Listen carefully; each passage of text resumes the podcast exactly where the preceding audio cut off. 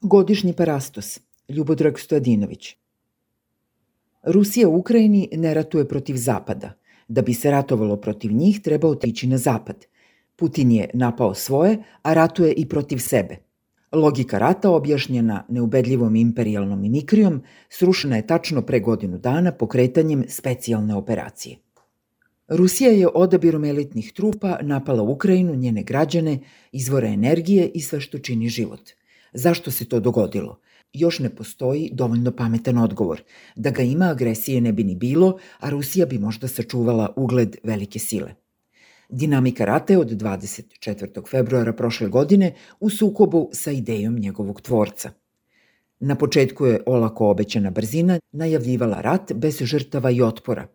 Moskovski car je uveo u opticaj tegobne pojmove koji ne nude valjana objašnjenja, niti imaju rezolutnu jasnoću – denacifikacija i demilitarizacija. U te složenice je bila ugrađena javna ideja Blitzkriga. Denacifikacija kao inovirani staljinistički agitpropovski udar na naciste koji su zaposeli Ukrajinu. Rusija je oružjem napala sebi najbliže uz opravdanje da tako sprečava ugrožavanje sobstvenog opstanka – Absurd u samoj definiciji agresije, specijalna operacija, nalazi se u inverziji naci modela, pri čemu nacističku odrednicu ne može imati onaj koji se brani. Ideološka pozicija napadača i njegova prava priroda još nisu dovoljno dobro definisani, pre svega zbog oklevanja da se otvoreno govori o njihovoj suštini. Demilitarizacija je bila imperativ trenutnog razoružanja Ukrajine. Lično je Putin pozvao ukrajinske vojnike da položa oružje – Posle toga sledio bi lov na nezaštićenu političku elitu. Ruska vrhovna komanda je loše vodila trome demodirane trupe, sposobne uglavnom za osvetnička razaranja, nesklone manevarskom snalaženju na tuđoj teritoriji. Munjeviti rat se preobrazio u surove obračune, mučno gubilište i egzodus skoro 8 miliona ljudi. Pre haotičnog zapleta koji je poništio ležerna i prilično nadmena očekivanja Moskve o brzoj pobedi, valjalo bi bar malo razbistriti imperialnu analogiju koja se uzima kao adut u salonskoj odbrani Putinovih trupa od zločina koje čine. U skoro svakoj epizodi ovog rata, druga imperialna sila, SAD, uzima se kao parametar za poređenje – Takve paralele su inače legitimni model analize nepočinstava obe velike sile ili bar pokušaja da se rat obrazloži nepouzdanim argumentima o većem zlu. Zlo je veliko svuda gde je agresivni rat i nema pouzdanih merila za njega. Ali se u tome zapostavlja najbitniji činilac, a to je aktuelnost. Ruska agresija traje sada, u ovom trenutku. Nema nade da razaranje uskoro prestane i to jeste vodeća tema.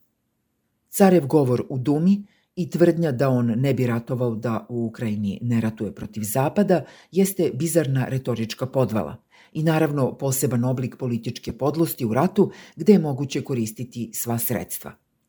Takav nedostatak državničke etike pouzdano svedoči o poraznoj defanzivi, gubitku orijentacije i otetoj slobodi za sebe da se govori bez odgovornosti uz negaciju svake logike. Rusija nije dobila rat, ali ga nije ni izgubila. Ukrajina nije kapitulirala, ali je daleko od pobede. Ali ima moćne saveznike. Niko se bez saveznika ne može odbraniti. Nismo mogli ni mi od agresije 99. ako se ovde ponovo držimo paralela, analogija i okolnosti koje su dovele do napada. To nije bilo moguće pred snagama alijanse. Očekivanja da nam tada saveznici budu sadašnji agresori na Ukrajinu bila su uzaludna. Ova digresija pokazuje još mnoge tajne imperialne surovosti, ali to je sasvim druga tema koja inače ne zastareva. Rat u Ukrajini ima neograničene potencijale širenja. Moldavija izgleda kao lak zalogaj, a Balkan idealni poligon za kontrolu štete. Zapad otvoreno najavljuje poraz Rusije, a Putin bi sada rado prihvatio sve osim poraza. Možda bi Krim bio dovoljan za pobedničke defileje na obe strane, Časno izvlačenje iz rata nije izlazna strategija. Iz ovog rata nema časnog izlaza. Godinu dana posle, uz sve svoje tipične odlike, rat je postao deo svakodnevne navike. Vesti o žrtvama i razaranjima ne uzbuđuju potrošače informacija više od izveštaja o vremenu. Odavde izgleda kao da je sve to beskrajno daleko. Najave mogućeg nuklearnog obračuna u nekoj fazi bez izlaza slušamo kao odjeke apokalipse koja nas se čak i ne tiče – Bilo bi to istovremeno ubistvo i samoubistvo najvećih, upravo ono što sebi, ali i svima, spremaju 75 godina. Uteha je u nadi da valjda nisu toliko ludi. U stvari jesu, niko još ne zna koliko dok se to ne dogodi. Na godišnji parasto se za hiljade žrtava ruske trupe najavljuju ofanzivu, ali takav pokret nije mnogo verovatan. Nemaju dovoljno svežih snaga, moderne tehnike, ni energije za delotvorno operativne pokrete. Biće nastavljen rat projektilima dok ih ima, možda buđenjem avijacije i uz masivna, neselektivna razaranja na daljinu. Trupe na tlu ostaju ukopane u pozicionom poredku, zaglavljene u blatnim rovovima i u vremenu. Pregovori o miru nisu izgledni. Putin je udaljen od svih, od sebe samog i od stvarnosti. Vladar Srbije se u atmosferi rata sprema za rat. Na nekom sajmu na oružanje je najavio pazar ubojnih stvari za 700 miliona dolara. I to rečnikom sileđije, naviknutom da ga biju. Kada kupimo sve to što je vrhovni našao na kvantašu, niko nam više ništa ne može, nije rekao na koga misli.